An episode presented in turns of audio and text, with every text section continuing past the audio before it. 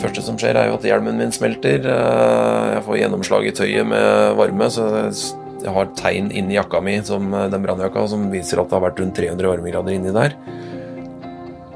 Jeg husker ikke smerten, men jeg husker den følelsen av å skulle dø. Den husker jeg. Kenneth Vangen svevde mellom liv og død etter å ha blitt innestengt i en brann der han ble alvorlig skadet. Noen ganger setter livet oss virkelig på prøve.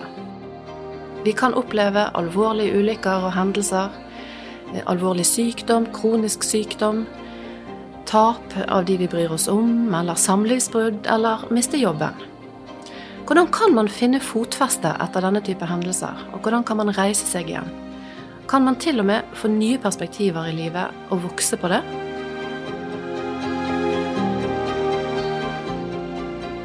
Du lytter til Klokt om livet, en podkast fra Lærings- og mestringssenteret i Helse Bergen. Mitt navn er Cecilie Thorsen, jeg er psykologspesialist, og jeg snakker med kloke folk som deler sine historier om hvordan de har navigert i møte med livsutfordringer, helseutfordringer eller store endringer. Historiene deres er unike, men temaene er allmennmenneskelige og relevante for oss alle. Brannmann Kenneth Vangen er brigadeleder for Nedre Romerike brann- og redningsvesen. Han og hans team ble kåret til årets navn for sin innsats under leirskredet på Gjerdrum. I 2020 ledet Kenneth arbeidet med å redde andre, men tidligere i livet har han måttet jobbe med å redde seg sjøl. Hvis jeg sier brannmann Kenneth Vangen, så er det nok en del som vil feste navnet ditt til det som skjedde i Gjerdrum under det leirskredet i romjulen. For der var du innsatsleder. Du sto i spissen for veldig mye. Du var i um, enorm beredskap i var det ti dager? Ja, det holdt på en ukes tid. Det er eh, utrolig mange som gjorde en eh, heltemodig innsats eh, i Gjerdrum. Det var derfor det gikk som det gikk også. Da var du em, i en enorm beredskap i ganske lang tid, sant? Dere, eh, du og de andre, dere eh, søkte og nærmest vasset rundt i livsfarlig kvikkleire i lang tid. Det vitner om en sprek mann. Men sånn hadde det ikke nødvendigvis trengt å være. For det er en annen historie om deg som, som kanskje ikke er det folk vil huske deg for akkurat i denne sammenhengen, men det er derfor du er her i dag. Kan du dele litt av den historien eh, med oss? Ja, jeg eh, har jo vært eh, brannmann siden 1997. Men i 2003 så var jeg så uheldig, eller skråstrek heldig, å bli brannskadd. Må jo si uheldig, selvsagt. Jeg var røykdykker, og vi var eh, i en eh, brann eh, hvor vi leita etter en familie som var savna. I et stort industribygg med leiligheter på toppen. Og i den brannen så klarer jeg å dette ned en trapp, rote meg inn i et rom som jeg ikke skulle vært, hvor det var fullt utvikla brann. Mange, mange hundre varmegrader inni. Så det første som skjer, er jo at hjelmen min smelter. jeg får gjennomslag i tøyet med varme, så jeg har tegn inni jakka mi, som eh, den brannjakka, som viser at det har vært rundt 300 varmegrader inni der. Eh, etter et par minutter så jeg kom jo bort fra makkeren min i, i, denne, i denne hendelsen, rett før jeg ble skadd. Ja, det var en guffen følelse. Jeg var helt skråsikker på at jeg ikke kom ut derfra levende. Det var eh, Tenkte du det når du var der? Jeg, det var første jeg tenkte. Det var eh, Her kom jeg ikke ut levende. Oi, Og så tenkte jeg jeg Det var jo utrolig vondt. Eh, Det, det, det å være Altså 300 varmegrader, det Altså, det blir jo omtrent som å ta ut uh, pizzaen av av 200 grader i, i, uh, i, stekeovnen. Det tror ikke bare- ovnen vår går til 300 grader engang. altså, Plusser på 100 grader, og så har du det inni jakka. Det er jo ikke noe stilig. Nei. Det er ikke stilig. Men jeg husker jo ikke Jeg husker ikke smerten, men jeg husker Eller jeg husker at det var vondt. Og så husker jeg også at det, var eh, Ja, jeg, jeg, jeg, husker den følelsen av å skulle dø. Den husker jeg. Den husker du. Jeg var helt sikker på at jeg skulle dø der. Og, at, eh, og så tenkte jeg også at dette må være en forferdelig måte å dø på. Jeg hadde eh, Friskluftapparatet mitt, er jo, eller røykdykkerapparatet, det settet, der har jeg jo da flaske på ryggen med oksygen. Det kommer kald, frisk luft inn i maska. samtidig som jeg har 300 varmegrader inni jakka, så jeg blei jo egentlig stekt levende i praksis med, med frisk, kald luft i ansiktet. Så Nei, det var en guffen følelse, men eh, desto bedre følelse når han røykteklederen kom inn og spurte om jeg skulle være med ut. Da. Ja. Så det Han spurte deg om det, om du skulle være med ut. Ja. Og da, altså, dette var jo bare på to minutter, så han, han skjønte jo selvsagt at det var en alvorlig situasjon, men Gikk du ut sjøl? gikk ut sjøl, ja. Det, gjorde- det klarte du. Men jeg klarte ikke å få av meg eh, maska, jeg klarte ikke å få av meg hjelmen sjøl. Jeg klarte å ta hansken sjøl. Og det var da jeg skjønte at jeg var eh, litt ordentlig skada. At når jeg fikk av den hansken, så satt huden på høyrehånda satt igjen inni hansken. Og når jeg kom ned til ambulansen, og jeg så ansiktsuttrykka til de rundt meg, så skjønte jeg at Da skjønte jeg du alvoret. Ja, da skjønte jeg at jeg måtte en tur på sjukehuset. Men at det skulle bli så omfattende som det blei, det, det så jeg ikke for meg der og da, heldigvis. Nei. Men, eh, Og det var kanskje bra, for dette ble omfattende. Ja, Du hadde forbrenningsskader på var det 75 av ja hele 75 kroppen? på kroppen var ø, forbrent, men det var både første, andre og tredje grads forbrenning. Ja. Og så er det jo sånn med brannskader at, at ø, når jeg kom inn da på Ahus, som var mitt sykehus, da, så hadde jeg jeg tror det var 3 tredjegrads forbrenning, altså det vil si den, den alvorligste delen. Mm. Det var stort sett på hånda mi, tror jeg. Men, ø, men etter ø, Jeg lå i koma da i ca. en måned, ble flydd til Haukeland osv. Bare så vi skal forstå alvoret i dette. Sant? Mye av din venstre hånd måtte bygges opp igjen, og du måtte få transplantert masse ny hud, rett og slett? Ja, jeg flytta veldig mye hud fra beina Ja. og opp til eh, armer og rygg og nakke, hals, bakhode. Ja. Litt grann på nesa.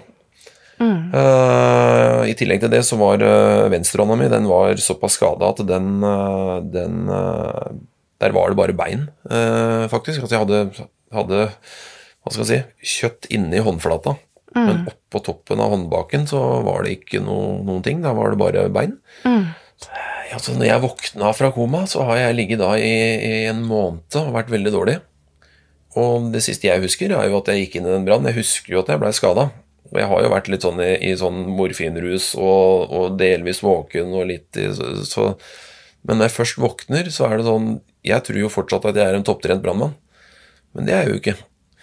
Jeg, det står folk og jubler for at jeg klarer å sette meg opp i senga. Ja. Eh, Og at jeg kommer meg på beina, opp på beina og klarer å gå, det, er jo, det, det skjønner jeg ikke at jeg skal klare å klare igjen, på en måte.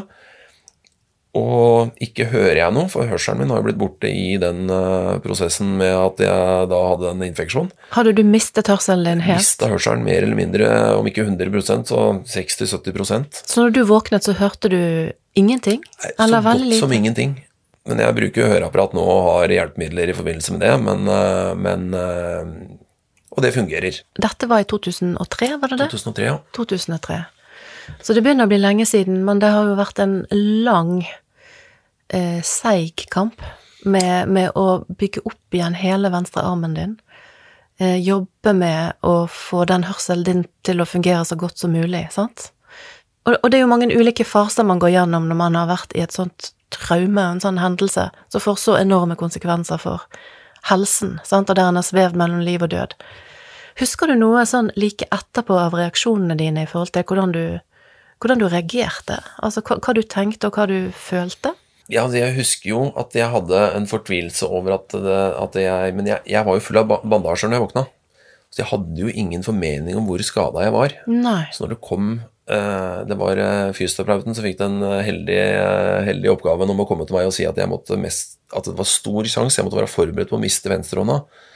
Eh, og det, det klarte jeg ikke å sette meg inn i.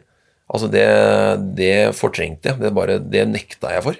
Altså Det er ikke aktuelt at noen skal fjerne hånda mi. Da er jeg ikke brannmann igjen. Og det tenkte du. Det var først det jeg tenkte. Uh, og så gikk det ned til at tommelen må nok antagelig ryke.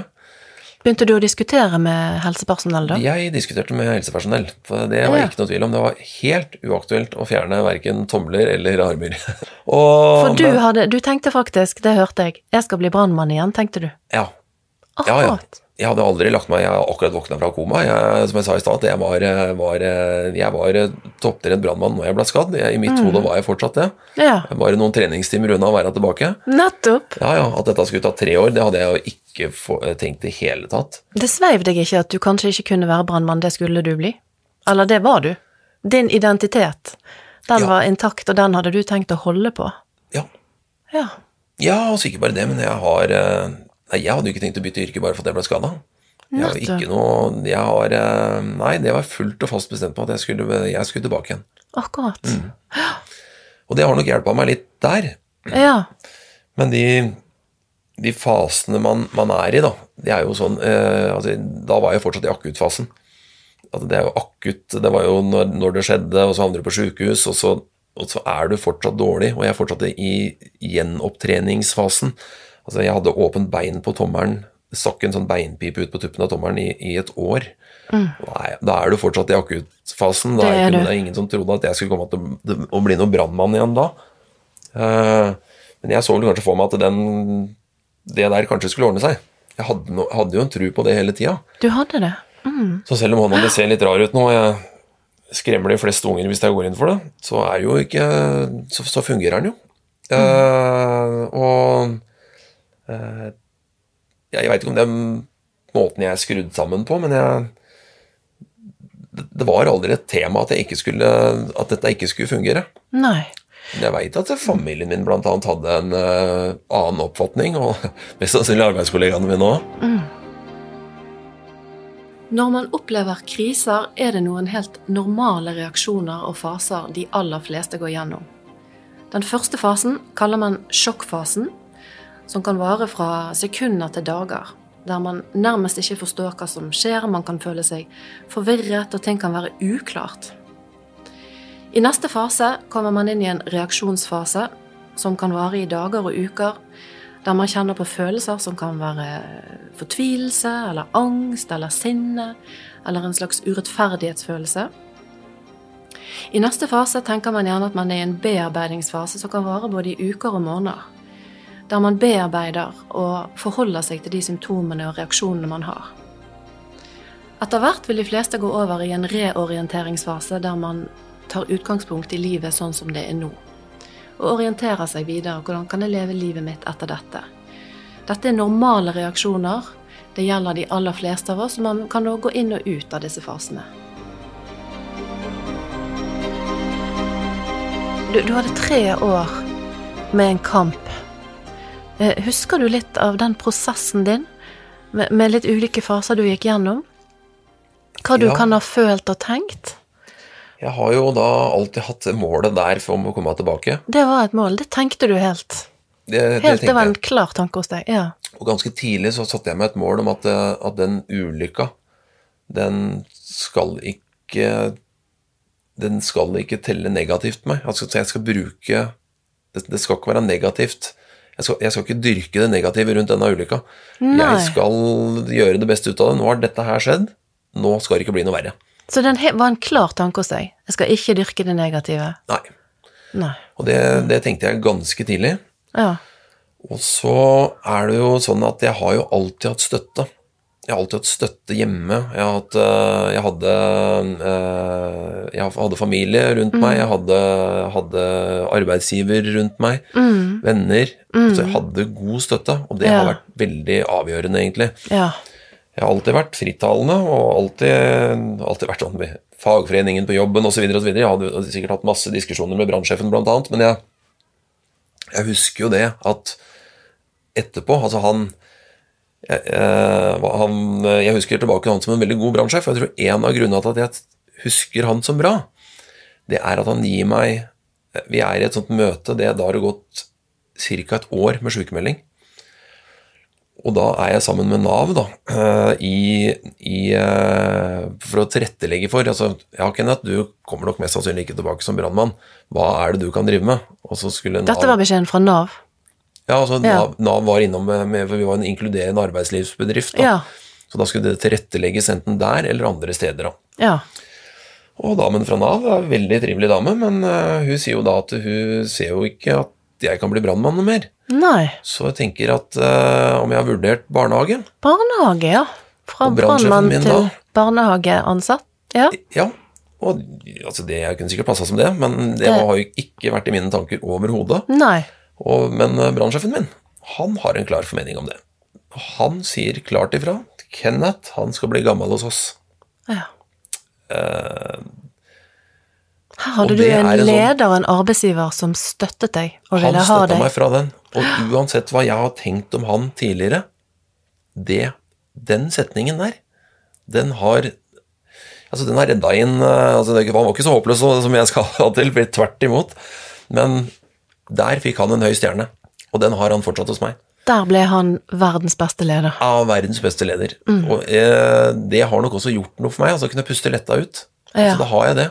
Ja, du har kunnet lene deg til å vite at du var ønsket tilbake. Ønsket Og- tilbake. Tenk hva det betyr eh, for eh, den angsten man får veldig ofte når man får den type skader eller helseproblemer som det du faktisk var oppi da. Mm. Eh, angsten for det tap av den identiteten man er, sant. Vi knytter jo mye av identiteten vår ofte opp mot den jobben vi er i.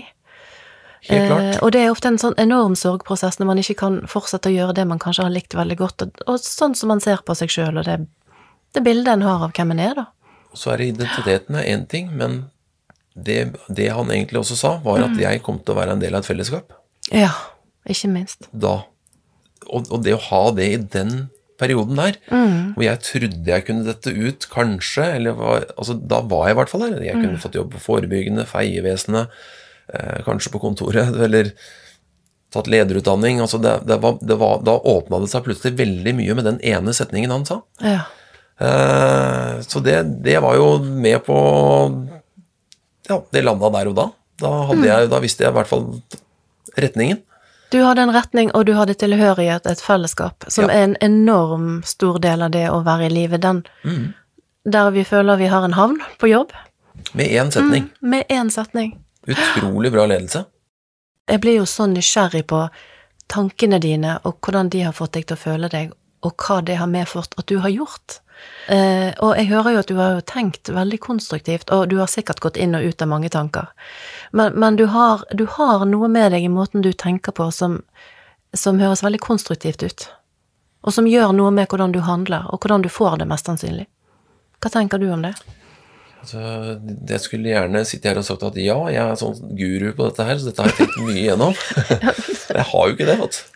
Så det er faktisk litt tilfeldig òg. Det er kanskje litt sånn for at eh, måten jeg er på. Måten du er på, ja. Ja, jeg Ja. tror kanskje at jeg var litt sånn før skaden også, så at jeg da har kanskje blitt enda mer av det etterpå. Eh, Jeg er kanskje en som ser muligheter og ikke Én ting er å tenke gjennom ting, men du kan ikke tenke for mye gjennom ting heller. Du skal selvsagt måtte bearbeide det du har vært igjennom. Jeg har jo vært gjennom en veldig traumatisk hendelse, eller mange traumatiske hendelser, egentlig. Ja, Har du bearbeidet det, tenker du? For eh, det er nesten så jeg lurer på om du hoppet over en fase som mange går gjennom, og det er en sånn bearbeidingsfase, og så går man rett i det som man vil kalle en reorientering. Var du, var du veldig kjapp inn i den? Jeg, en av de tinga som kanskje har redda meg veldig, det er at jeg, jeg er en skravler. Eh, Jeg er ikke noe det- Jeg er kanskje Jo, du kan fortelle hemmeligheter til meg, altså, det er ikke det. Altså, men men jeg, hvis det er noe som plager meg, så veit de fleste det. Du snakker. Ja, jeg snakker. Hvis det, hvis det er noe som plager meg, så sier jeg det. Ja. Og, men samtidig som det, så var det øh, Brannvesenet gjorde et par veldig glupe ting. De sendte over, når jeg våkna av koma, så sendte de over øh, to brannkonstabler, eller øh, kollegaer av meg, da. Hver eneste uke, tirsdag, onsdag, torsdag, så kom det folk over. Alle dem skulle høre historien min, da. Og til slutt, etter da litt over en måned, så var jeg så møkkalei den historien. Så det var sånn jeg liksom fikk prata ut om den, da. Eh, Du så jeg- fikk bearbeidet historien din gjennom å fortelle den om igjen og om igjen og om igjen. Om igjen, om igjen, om igjen. Det er jo enormt viktig å fortelle den historien sin, og kanskje ikke minst fortelle historien sin på en måte som gjør at man får bearbeidet den og kan leve videre med den. Ikke sant? Mm. Jeg vil gjerne at folk skal lære av, av den brannen, for eksempel. Da. Ja. Mm. Eh, nå er jeg her og prater med deg fordi at det kanskje, hvis jeg tilfeldigvis har gjort et eller annet riktig som har gjort at jeg har kommet dit jeg er i dag, da. så hvis det er noen som lytter på nå som eh, kan bruke noe av det, det jeg sier, og, lære, ja. så er jo det også noe som gir meg mye. Mm. Men i begynnelsen så var det jo for å gi andre brannfolk, og røykdykkere kanskje, Mm. en idé om både at det vi driver med er jo skummelt, du skal ha med deg hodet, Ja. disse feila gjorde vi, Ja. uh, og derfor skjedde dette. ja. Så dette var òg et ønske fra din side å bidra med noe, at det skulle komme noe ut av den forferdelige ulykken som dette var. Veldig Hva kan vi lære av det? veldig dumt å bli skadd forgjeves. Nettopp. Altså, det har jeg ikke lyst til. Dette er kjempedumt og, og vondt og leit og alt mulig, men hvis det i tillegg skal være forgjeves, at ingen skal lære av det, I tillegg, ja. mye verre. Ja. Så Og så fikk jeg lyst bare å kommentere litt det du sa om dette med at du har fortalt om igjen og om igjen. For når jeg lurer på har du hoppet over noen faser her, sant? det virket som det gikk så kjapt. Men det du har gjort, eh, er at du har fortalt og fortalt og fortalt. Og det vi gjør når vi forteller og forteller og bruker ord, eh, så, så bearbeider vi gjerne òg emosjonelt på den måten. Og, og vi hjelper hjernen vår på en måte å sette ord på ting, som er en veldig sånn kognitiv måte òg å forholde seg til ting, da. Så du skal ikke se bort fra at det der kanskje kan ha hjulpet deg enormt i den videre prosessen din med å komme videre. Men du valgte òg å bruke de du hadde rundt deg. For det er ikke alltid sånn at vi kan ha folk rundt oss, sant? men vi snakker ikke. Eh, vi skravler ikke, sånn som du sier. Jeg er en eh, født skravlebøtte, sier du. sant? Eh, men det er jo ikke alltid vi gjør det sånn. Vi kan ha folk der. Vi kan være så heldige å ha mange rundt oss, både arbeidsgiver og familie og nære og venner. Men vi deler ikke likevel. Fordi vi tenker at eh, dette må jeg fikse sjøl, eller, eller Det er ikke så lett for oss. Sant? Det er ikke alle som syns det er så lett å sette ord på ting. Men det vet vi jo òg at det å bruke de en har rundt seg, og faktisk eh, både søke støtte og, og, og, be om det, og ta imot det når folk rekker ut en hånd, det betyr veldig mye. Mm. Mm.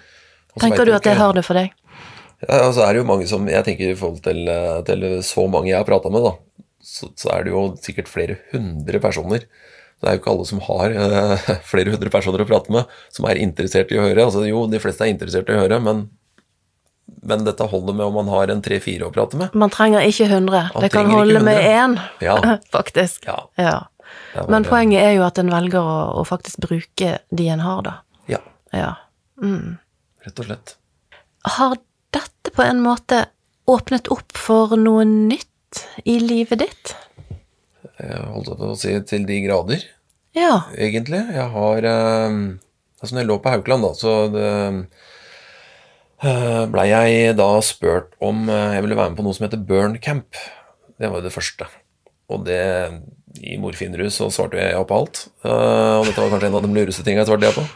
Eh, så etter ca. et år så blei det Burn Camp, da. Og jeg blei med på det. Jeg var på Gol. Burn Camp det er en mestringsleir for brannskadde barn fra hele landet. Jeg kom dit, og jeg hadde mista alt håret. Jeg hadde åpent bein på tommelen, som sagt. Det var tynt som en strek og masse stygge arr på kroppen. Jeg måtte ha hjelp med absolutt alt. Jeg ikke fikk jeg lov å kjøre bil. Ikke, jeg gikk jo på tunge medisiner. Jeg, jeg blei jo avhengig av medisiner. Jeg var avhengig av sovemedisin. Jeg hadde abstinenser over en måned på, på eh, de morfinpreparatene jeg gikk på. Sterke smertestillende. ble- smertestillende. Smerte, Smertestillende, ja. Eh, og så kom jeg da, og så skal jeg være, skal jeg være i, med i staben, liksom sånn leder for, uh, for uh, brannskadde barn. Altså hva all verden har jeg bidratt med her? Mm. Og det viste seg at det var ganske mye, da. For Det var at mye. Da jeg var, altså det å se sånn ut, og det å være gjennom det, altså det å være brent brannmann, det, det var faktisk ganske populært, det. Altså det Jeg blei med gjengen, på en måte. For jeg kan tenke meg du følte deg ganske ubrukelig i en periode der, når du må ha hjelp til alt, du er blitt avhengig av medisiner. Uten tvil. Dette var ikke deg, sånn som du pleide å være en ressursperson av en, av en godt trent brannmann. Det er så langt unna det. altså Du har jo alt altså eh, Jeg var brannmann.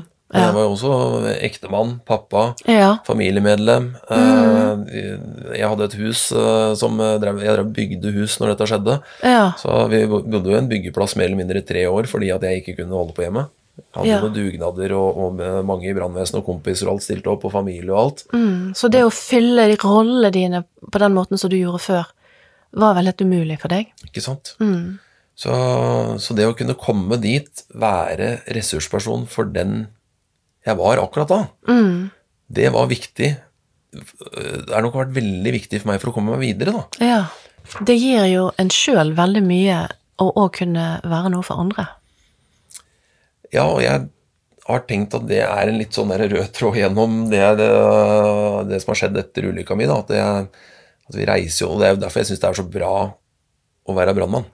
Altså, det kan du si, sier at jo, det er brannmann, og så spennende yrke. Da kan jeg bare eh, informere alle lyttere om at eh, det å være brannmann, det er sånn ca. 93% er jo enten å, å vaske, eller å sjekke bil, eller å øve, eller å Såkalt administrativt arbeid. ikke sant? Og møter, og det er sånn og sånn, så det er jo ikke sånn, det er jo ikke så spennende.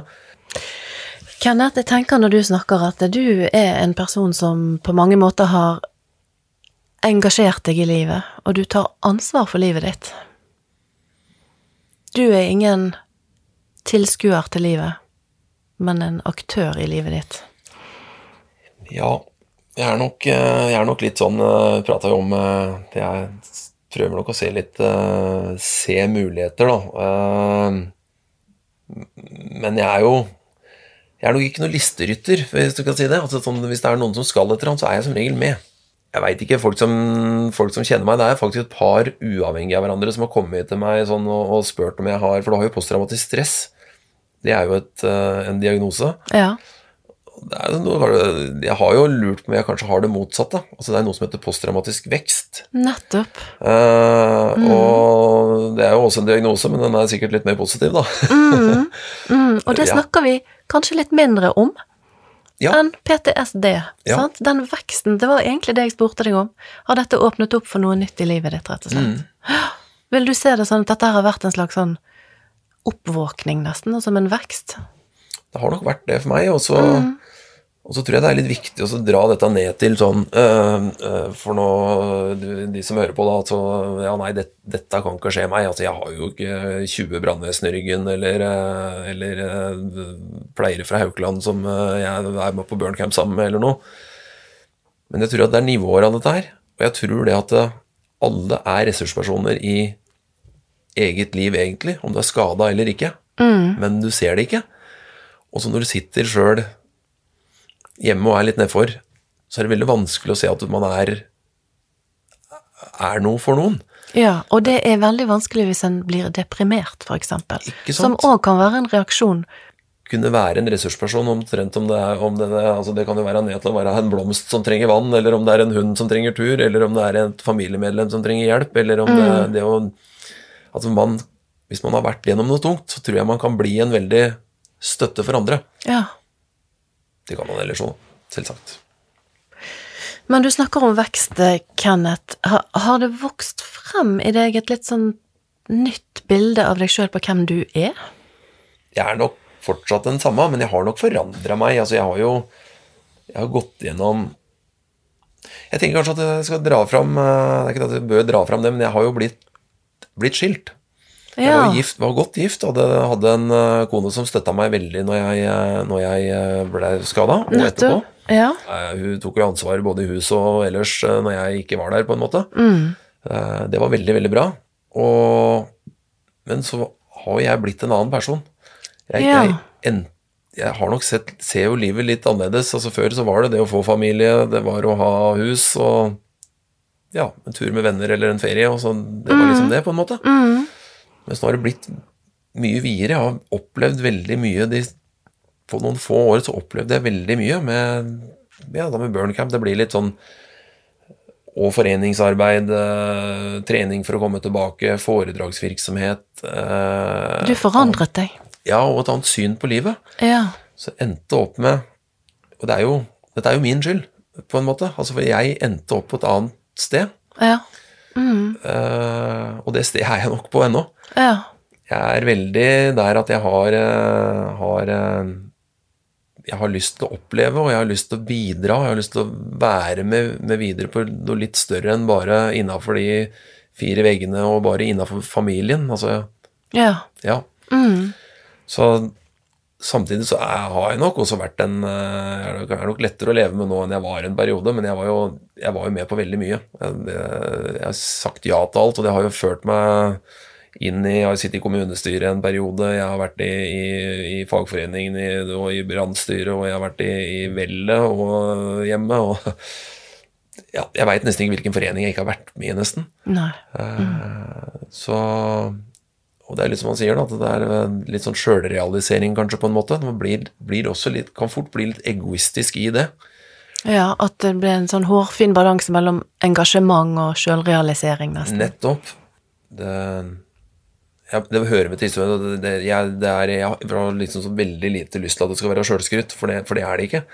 Eh, litt, da. Men, uh, men uh, jeg er veldig stolt av å komme tilbake som røykdykker Og, og det var et spørsmål jeg hadde tenkt å stille deg. Jeg tenkte å si Hva er du kry av? Vi kan godt skryte av oss sjøl, og jeg tenker at det å være kry av noe, skryte litt av seg sjøl, både innvendig, altså inni seg og til andre, og være Ja. stolt av noe, og være ganske tydelig på det, det er en måte som hjelper oss å bygge eh, motstandskraft, eller det man kaller resiliens, for å tåle en del belastninger. Så hva er du stolt av, Kenneth?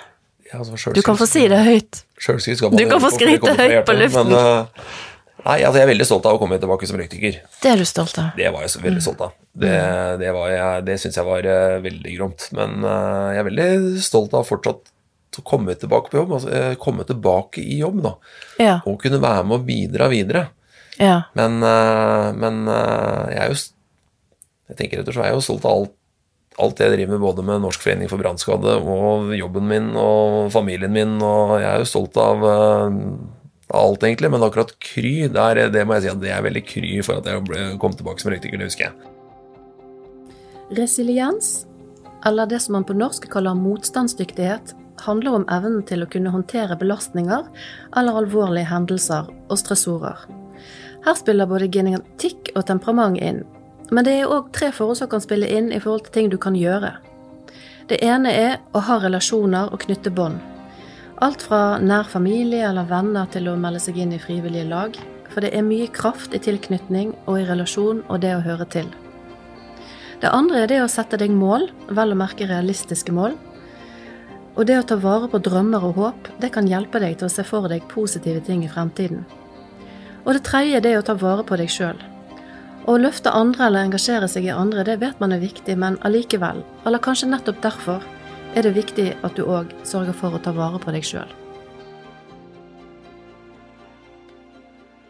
Du, jeg har lyst til å stille deg et siste spørsmål, for jeg spurte deg om, om er det eh, noe du har lyst å fortelle om som har betydd mye for deg, sånn av eh, en film eller en bok eller eh, musikk, og da fortalte du meg at du hadde lyst å fortelle om en film som betydde mye for meg. Nei, for deg. Kan du si hva den er? Vi skal avrunde med det. Det er jo den filmen eh, Yes Man. Der, den eh, kjenner jeg meg litt igjen i. Det forundrer meg ikke etter det du har fortalt nå. For det er en film med Jim Carrey, sant? Ja. Der han sier Bestemmer seg for å ikke si nei, men ja til alt som byr seg. Ja. Ja. Man må si ja til alt. Jeg anbefaler ikke det til noen å si ja til alt, men i hvert fall til en god del. da. Altså det, når man i hvert fall har et positivt syn og prøver å få det til, Ja. så er det utrolig hvor mye som dukker opp. Da vil jeg bare si eh, veldig tusen takk til deg for at du kom og delte historien din og perspektivene dine og eh, klokskapen og livsvisdommen din med oss. Tusen takk. Det. Tusen hjertelig.